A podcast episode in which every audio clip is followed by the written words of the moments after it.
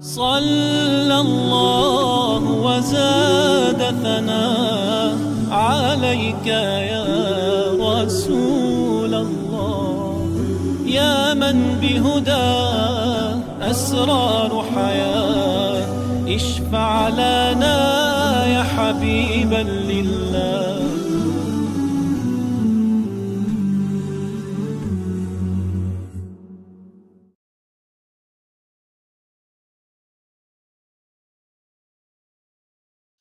بسم الله الرحمن الرحيم. الحمد لله رب العالمين وأفضل الصلاة وأتم التسليم على سيدنا محمد وعلى آله وصحبه أجمعين. اللهم علمنا ما ينفعنا وانفعنا بما علمتنا وزدنا علما وعملا متقبلا يا أكرم الأكرمين. أرنا الحق حقا وارزقنا اتباعه وأرنا الباطل باطلا وارزقنا اجتنابه. نسألك علم الخائفين منك وخوف العالمين بك وبعد. فنحن في درس من دروس شرح كتاب رياض الصالحين للإمام النووي وقد مر الكتاب على الباب الأول وهو باب تصحيح النية والإخلاص لله تعالى ثم مر على الباب الثاني وهو باب التوبة وبدأنا في درسين مضيا حديثا عن باب الصبر. ذلك لأن السالك إلى الله تعالى أول ما يحتاج إليه أن يصحح نيته ويخلص عمله وقوله في هذا الدرب لله تعالى. ثم بعد أن يستجمع هذه النية يتوب إلى الله. ثم ليعلم من سلك درب الله تعالى أنه محتاج إلى أن يتزود من الصبر. وقد سبق في الدرس الماضي تعريف الصبر بأنه حبس النفس على ما تكره مما يرضاه العقل والشرع. حبس النفس على ما تكره مما يرضاه العقل والشرع. الشرع يطلب إليك أن تمتنع عن شرب المسكرات. ربما النفس تدعو إلى شرب المسكرات فالصبر أن يحبس الإنسان نفسه لتترك هذا الأمر ولا تقترب منه ولو اشتهته لعل النفس الأمارة بالسوء تدعو أحدنا إلى النظر إلى المحرمات. لكن السالك إلى الله تعالى يحتاج إلى صبر أن يحبس نفسه على ما تكره مما يطلبه الشرع ويطلبه العقل. إذا صام أحدنا فنفسه تحب أن تأكل وتشرب ولا تصوم لكن مطلوب من السالك إلى الله أن يحبس نفسه على ما يكره مما يأمر به الشرع. مطلوب من أحدنا إذا غضب أن لا يتكلم الكلام النابي وأن لا يبطش ويظلم الطرف الآخر. وإن كانت نفسه تدعوه أحيانا إلى أن يتشفى من هذا الآخر إلى أن يبطش بهذا الآخر لكن الشرع يقول له لا تغضب. والصبر أن تحبس نفسك على ما تكره مما يطلبه منك الشرع ويطلبه منك العقل. اعلموا أيها الإخوة وأيتها الأخوات ما دمت سالكا في درب الله فأنت محتاج إلى الصبر. ولن تفوز برضا الله تعالى. ولن تفوز بالانضباط بأمر الله تعالى وبسلوك الصراط المستقيم حتى تتزود من الصبر وتحمل معك الصبر. وعاقبة الصبر خير ورشد. إنما يوفى الصابرون أجرهم بغير حساب. أكثر من تسعين آية في القرآن الكريم أو قريب هي من التسعين تتحدث عن الصبر. إذا كانت صحائف القرآن 600 صحيفة على التقريب ويزيد قليلا. وكان تسعين موضع يتحدث عن الصبر. يعني كل خمس صحائف ست صحائف القرآن يعود ويذكرك بالصبر. الصبر نصف الدين. قال رسول الله صلى الله عليه وسلم الصبر شطر الإيمان. فالمؤمن لا ينفك أن يكون في حالة صابرا وفي حالة شاكرا. ولعله طيلة سيره إلى الله عز وجل يكون حاملا للأمرين فهو يصبر على أشياء ويشكر النعم لأشياء. لذلك إذا وجدتم صعوبة أيها الإخوة في هذا الدرب فاعلموا أنكم في خير. إذا وجدتم مشقة وعناء فاعلموا أنكم بخير. واعلموا أن الله عز وجل يهيئكم لشيء كبير. واعلموا أن الله يعدكم لمنزلة عالية. لابد لابد ترك الحرام يحتاج إلى صبر. فعل الطاعات تحتاج إلى صبر. المرور بعقبات الحياة يحتاج إلى صبر. من أجل هذا العلماء قالوا الصبر ثلاثة أنواع. فصبر على البلايا. أنا لا أعلم ماشيا على قدمين إلا وعنده ما يزعجه. لا أعلم أحدا يمشي على قدمين إلا وعنده ما يزعجه وهو محتاج أن يصبر. فهذا مريض وهذا يعاني من قلة ذات اليد فقير. وهذا عنده مسافر يتمنى عودته ولا يراه وهذا يريد زواجا ولا يستطيع وتلك تتمنى أن تنجب ولا تنجب. وأختها تبحث عن زوج ولم يتح لها أن تتزوج. ورابعة فقدت ولدا من أولادها وخامس فقد قريبا من أقاربه. هذه هي الحياة. ما دمنا في الحياة الدنيا هذه هي الحياة. وأنت بحاجة إلى أن تصبر. والباب يحدثنا الإمام النووي رضي الله تعالى عنه ينقل لنا أحاديث النبي صلى الله عليه وسلم في الصبر. لتعلم أيها السالك وكتاب رياض الصالحين هو كتاب سلوك إلى الله تعالى. لتعلم أيها السالك لتعلم أيها المؤمن لتعلم أيتها المؤمنة لتعلم أيها الإنسان الذي تبحث عن نجاح في الدنيا والآخرة أنك لا تستطيع أن تصل إلى مراداتك إلا بالصبر. وإذا كنت لا تستطيع أن تصبر أو لا تريد أن تصبر أو لست مستعدا أن تحبس نفسك على ما تكره فاعلم بأنك ستبقى في درجات الدون. ما في طبيب صار طبيبا إلا وقد صبر على أيام شديدة وكثيرة في الدراسة.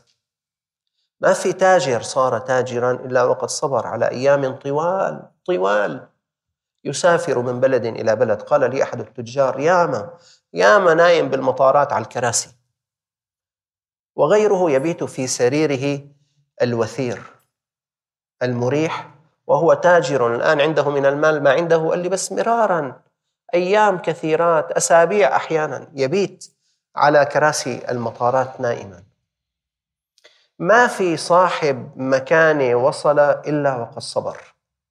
ما في رجل صالح أكرمه الله تعالى بدرجات عاليات في الدنيا إلا وقد صبر. أسباب التوفيق سبعة. رقم ستة الصبر. الصبر يا شباب يا رجال يا أخوات كم من زوجة صبرت على صعوبة زوجها؟ فكان أن أكرمها الله تعالى بصلاحه أو أكرمها الله تعالى بنجابة أولادها. كم من زوج صبر على سوء خلق زوجته. فكان أن أكرمه الله تعالى بصلاحها ورشادها أو أكرمه الله تعالى بأولاده. وصبر يعني صبر 30 سنة. مو صبر عشرة أيام مو صبر سبع ساعات مو صبر ثلاثة أشهر ثلاثون سنة والتاجر حتى يصير تاجر معه من الأموال ما معه يحتاج إلى ثلاثين سنة. والطبيب حتى يصير طبيب عالي الدرجة بده ثلاثين سنة. جاهزون؟ بدك تسلك إلى الله تعالى تحتاج إلى أن تصابر الصبر وأن تقارع الصبر وأن تتجلد وأن تثبت. والصبر كما سمعتم ثلاثة أنواع. الصبر الأول صبر على بلايا الحياة. فقر قلة جوع. نقص من الأموال والأنفس والثمرات وبشر الصابرين. الله عز وجل قال ولنبلونكم كما مر في الدرس الماضي أقسم لكم يا عبادي هذه الواو والقسم مثل تبع والله. أقسم لكم سوف أختبركم سوف أبتليكم. يا رب طيب ليش بدك تبتلينا؟ شو عملنا نحن؟ يريد أن يبتليك ليرقيك. هلأ أنو أنو أحسن الطالب اللي بيذهب إلى المدرسة أو الذي لا يذهب إلى المدرسة؟ يبقى في حجر أمه. أنو أفضل نخلي الولد في حضن أمه تطعمه وتسقيه وتأتيه باللبن وبالحليب ويلهو ويلعب لما نبعثه على المدرسة. أيهما أفضل؟ الذهاب إلى المدرسة. لكن المدرسة فيها امتحانات. والمدرسة فيها يقضي اياما في الدراسة ويتعب. هذه الامتحانات هذه الاختبارات هي التي ترفعه. ولنبلونكم. يا رب ليش بدك تختبرنا؟ ماذا فعلنا نحن؟ يريد الله تعالى أن يرقينا. لأنك إذا بقيت طفلا في حجر أمك تشد عليك القماط فستبقى طيلة عمرك بهذا المستوى. لكن عندما تذهب إلى الحياة وتذهب إلى المدارس وتذهب إلى الجامعات وتتعرض لامتحانات هناك أنت تترقى. وكلما صعب الامتحان صعبت الدرجة التي ستنالها. فحص البكالوريا أصعب من فحص التاسع. فحص التاسع أصعب من فحص السادس. وفحص السادس أصعب من فحص الأول.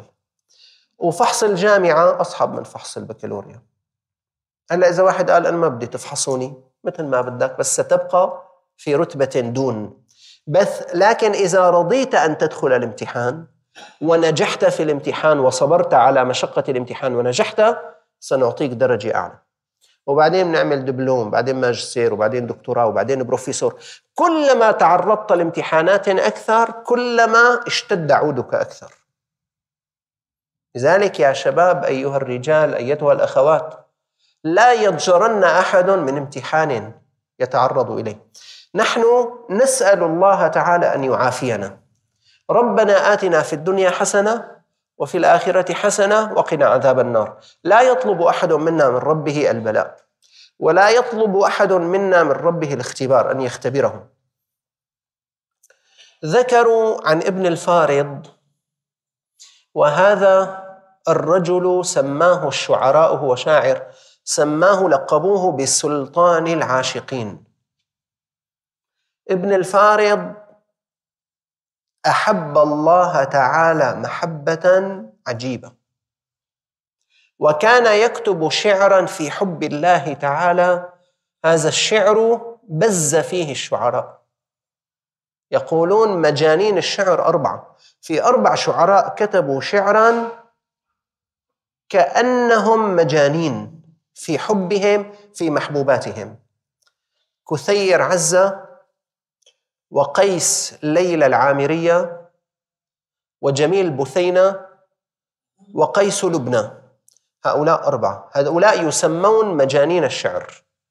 كتبوا قصائد في من أحبوهم من النساء أو أحبوهن من النساء شيء يعني قوي جدا في الشعر. لكن نقاد الأدب العربي يجمعون أو يتفقون على أن سلطان العاشقين وسيد المحبين هو ابن الفارض. ابن الفارض أحب الله تعالى. فكتب شعرا في حب الله تعالى. كان يخاطب ربه يقول قلبي يحدثني بأنك متلفي. يا رب لكثرة حبي لك قلبي يحدثني بأنني سأتلف. قلبي يحدثني بأنك متلفي روحي فداك. لم أقض حق هواك إن كنت الذي لم أقض فيك أسا ومثلي لم من يفي. لم أقض حق هواك إن كنت الذي لم أقض فيك أسا ومثلي من يفي. يقول يا رب أنا لا أكون موفيا حق هواك حتى أقتل بالأسى من محبتك. وأنا سأفي بهذا الشيء. ما لي سوى روحي وباذل روحه في حب من يهواه ليس بمسرف. إذا واحد أحب الله وأعطاه روحه لرب العالمين ما بيكون مسرف. ما لي سوى روحي. وباذل روحه في حب من يهواه ليس بمسرف. فلئن رضيت بها فقد أسعفتني. يا خيبة المسعى إذا لم تسعفي. كتب قصائد عجيبة في محبة الله تعالى. مر في جملة قصائده أنشد بيتين يقول فيهما مخاطبا ربه. يقول وبما شئت في هواك اختبرني. بيقول له لرب العالمين يا رب أنا بحبك كثير وأنت إذا بتحب تفحصني فحصني. وبما شئت في هواك اختبرني. فاختياري ما كان فيه رضاك. إذا أنا بقول لك اختبرني مثلا بالفقر لعلك لا ترضى هذا الاختبار. إذا بقول لك اختبرني بفقد الولد لعلك لا ترضى بهذا الاختبار. أنت يا رب اختار مهما أردت شيئا من اختبار اختبرني. يقول وبما شئت في هواك اختبرني. فاختياري ما كان فيه رضاك. ذكروا وقالوا بأن ابن الفارض أصيب ببحصة في المجاري البولية. رمل وتحول إلى بحص بحصة في المجاري البولية. أصعب آلام في الطب أو هو من أصعبها آلام المجاري البولية. لما بتتحرك البحصة هيك في الحالب أو تتحرك في المثانة يا لطيف يكاد روحه أن تخرج. فابن الفارض أصيب بهذا المرض. لما تجي الكريزة يعني تتحرك هي البحصة يخرج هائما على وجهه في يمشي في الطريق من ضجره يعني وألمه. فمرة كان يمشي في الطريق وقد جاءته نوبة الألم الشديدة. فسمع فتى ينشد قصيدته. شاف شاب بالطريق عم ينشد الأبيات اللي كاتبها هو ابن الفارض. يقول فيها مخاطبا ربه هذا الفتى وبما شئت في هواك اختبرني فاختياري ما كان فيه رضاك. فقال ابن الفارض لهذا الفتى لهذا الغلام قال يا ولدي لا تعد لمثلها لا تقول هالكلام واستغفر لعمك الشيخ. استغفر لي والله شيء صعب. الله لا يبتلينا يا أخوان. الله لا يمتحنا يا أخوان. ربنا آتنا في الدنيا حسنة وفي الآخرة حسنة وقنا عذاب النار. نسأل الله العافية في الدارين. ما حدا يقول له لرب العالمين يا رب افحصني أنا جاهز. امتحني أنا جاهز. أنا مستعد يا رب اصبر. مهما أنزلت علي بلاء أنا أصبر. لا حدا يقول يا إخوان ربنا أفرغ علينا صبرا. يعني صب علينا الصبر صبا. شو معنى ربنا أفرغ علينا صبرا؟ إفراغ يعني كيف في وعاء وأنت أفرغته؟ ومتى يأتيك الصبر؟ إذا كان هناك بلاء. ما هيك؟ لذلك لا تق... هذه آية في القرآن الكريم. هذه ليقرأها من ابتلي. من كان في بلاء من كان في شدة فليقل ربنا أفرغ علينا صبرا. لكن من كان في عافية فليقل ربنا آتنا في الدنيا حسنة وفي الآخرة حسنة وقنا عذاب النار. فنحن أيها الإخوة لا يطلب أحد منا من ربه الاختبار والابتلاء. نطلب العافية. لكن إذا وقعت في شدة ماذا تفعل؟ الصبر. لكن إذا وقعت في ضيق ماذا تفعل؟ الصبر. لكن إذا وقعت في قلة ماذا تفعل؟ الصبر. أري ربك من نفسك خيرا. يا رب لماذا تختبرنا؟ أختبركم لأجل أن ترفعوا في الدنيا وترفعوا في الآخرة. فالصبر ثلاثة أنواع صبر على البلايا وصبر على الطاعات. الصلاة تحتاج إلى صبر. وأمر أهلك بالصلاة واصطبر عليها. ما الفرق بين قوله واصبر عليها أو واصطبر عليها؟ في اللغة العربية زيادة المبنى دليل على زيادة المعنى. اصبر أربعة أحرف أما اصطبر خمسة. اصطبر عليها يعني اصبر صبرا شديدا. معناتها الصلاة يا شباب ده صبر. وبدك تبقى تغالب نفسك مرة فمرة فمرة حتى تصير من المحافظين على الصلاة. أنت تظن بأن المحافظين على الصلاة حافظوا عليها بسهولة؟ واحد من الصالحين يقول كابدت الصلاة عشرين سنة. عشرين سنة وأنا أغالب نفسي حتى تستقيم على الصلاة استقامة صحيحة. يوم تتأخر ويوم بتفيق ويوم ما بتفيق ويوم بعاقب حالي ويوم بصوم لأني ما فقت على صلاة الفجر ويوم بحاسب بتصدق لأنه راحت علي صلاة العشاء أخرتها عن وقتها. كابدت الصلاة عشرين سنة. ما تظنوا يا إخوان أنه أهل صلاة الفجر يقومون على صلاة الفجر ببلاش؟ هؤلاء قوم بذلوا دفعوا ثمن صلاة الفجر. بعدين يقول واستمتعت بها عشرين سنة. عشرين سنة مجاهدة. بعدين الله شافه والله صابر وعازم ومستقيم وصادق فأذن له أن يكون من أهل الخشوع في الصلاة. قال لي أحد الإخوة حافظ للقرآن الكريم لا تظنوا أن حفظ القرآن الكريم يأتي وأنت عم تشرب كاسة شاي. بده مجاهدة وبده منازعة للنفس الأمارة بالسوء وبده حبس لنفسك على ما تكره. قال لي ست سنوات كل يوم كل يوم كل يوم. أصلي الفجر بيتي بالقصور بطلع ماشيا من القصور إلى جامع الشيخ محي الدين. أقرأ القرآن على الشيخ محمد سكر عليه رحمة الله تعالى. قال لي ياما ياما لاحقتني الكلاب لأنه هنا كان هناك في بساتين وأشجار. ياما لكن ما في حفظ القرآن ببلاش. حفظ القرآن بدك تدفع ثمنه. ما ثمنه؟ تحبس نفسك على ما تكره. الصلاة بدك تدفع ثمنها. حبس نفسك على ما تكره. الصوم تدفع ثمنه. حبس نفسك على ما تكره.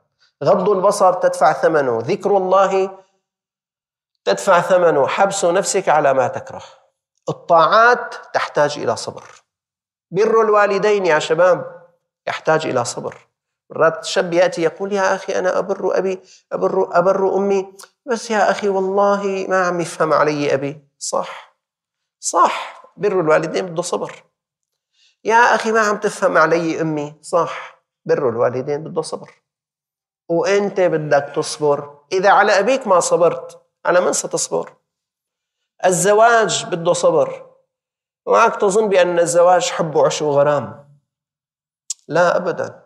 أبدا في صبر ستصبر على زوجتك وستصبرين على زوجك. هناك لاحقا لاحقا بعد 20 30 سنة صبر بعدين تفهموا على بعضكم مزبوط.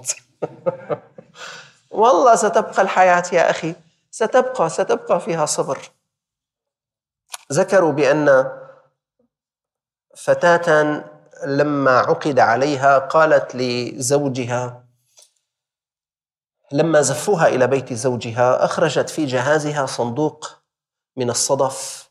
هكذا يعني خشب هو مصدف مغلق ومقفول. قالت له يا زوجي أنا أريد منك شيئا واحدا. قال تفضلي. قالت أنا أريد منك ألا تفتح هذا الصندوق وألا تسألني ماذا يوجد به. قال لها كما تشائين زفت إليه ومعها الصندوق بالجهاز. ومرت عليهم سنوات الزواج وانتقلوا من غرفة لغرفة ومن بيت لبيت ومن حي إلى حي. وهالصندوق عم يطلع بهالجهاز وينتقل لغرفتها. هو فعلا يحمله بس ما ما سألها خلاص هو قال. يعني وعدها أن لا يسألها ماذا يوجد به وأن لا يسألها يعني لما ولا يفتحه. المهم تمادت بهم سنوات العمر إلى أن مرضت الزوجة مرض الوفاة. وهي ممددة على سرير المرض والطبيب زارها وقال له لزوجها يعني احتسبها عند الله الأمر صعب جدا. هو يحبها ويجلها ويكرمها وهي كذلك. يعني كان في البيت هيك مضطربا حزنان. وهو يدخل ويخرج نظر فرأى الصندوق في غرفتها وتذكره هو عم يطلع على الصندوق زوجته شافته. قالت له تريد أن تعرف ماذا في الصندوق؟ ما هيك؟ قام قال لها إيه قالت له افتحه فتح الصندوق. بقى صار لهم شي 50 60 سنة متجوزين.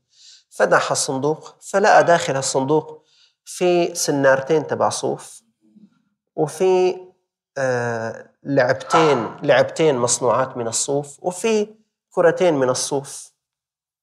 وفي تحت هالشيء شي مليون مليونين ليرة سوري. ما فهم شيئا. قال شو هذا ما شو هالسر اللي مخبيتيه في الصندوق؟ ما عرفت. قالت يا زوجي لما أردت أن أزف إليك قالت لي جدتي يا ابنتي غدا أنت وزوجك ستختصمان بلا ريب.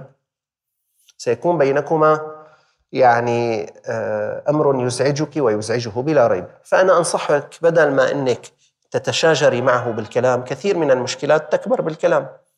إذا صار ما يزعجك منه أحسن ما تتلاسني أنت وياه عدي اغزلي لعب صوف. فقالت له هدول هنن. فهو نظر صار له متزوجها 50 60 سنة لقى لعبتين. بينه وبين حاله قال والله أنا زلمة منيح. يعني 60 سنة بس لعبتين. والله بس مرتين زعلانة مني. قال له طيب وهدول المليونين ليرة شو قالت له حق اللعب اللي غزلتهم وبعتهم. شو بدنا نعمل الحياة أيها الإخوة تحتاج إلى صبر. أنت تصبر على زوجتك وهي تصبر عليك فتستمر الحياة وننجح وتؤجر أنت وتؤجر هي. أبصر بقى كل واحد بيناتكم مرته قديش غازلة. على كل الأحوال الطاعة الزواج يحتاج إلى صبر. للحديث عن الصبر تتم إن شاء الله تعالى. وصلى الله على سيدنا محمد وعلى آله وصحبه وسلم. والحمد لله رب العالمين. اشفع لنا يا حبيبا لله.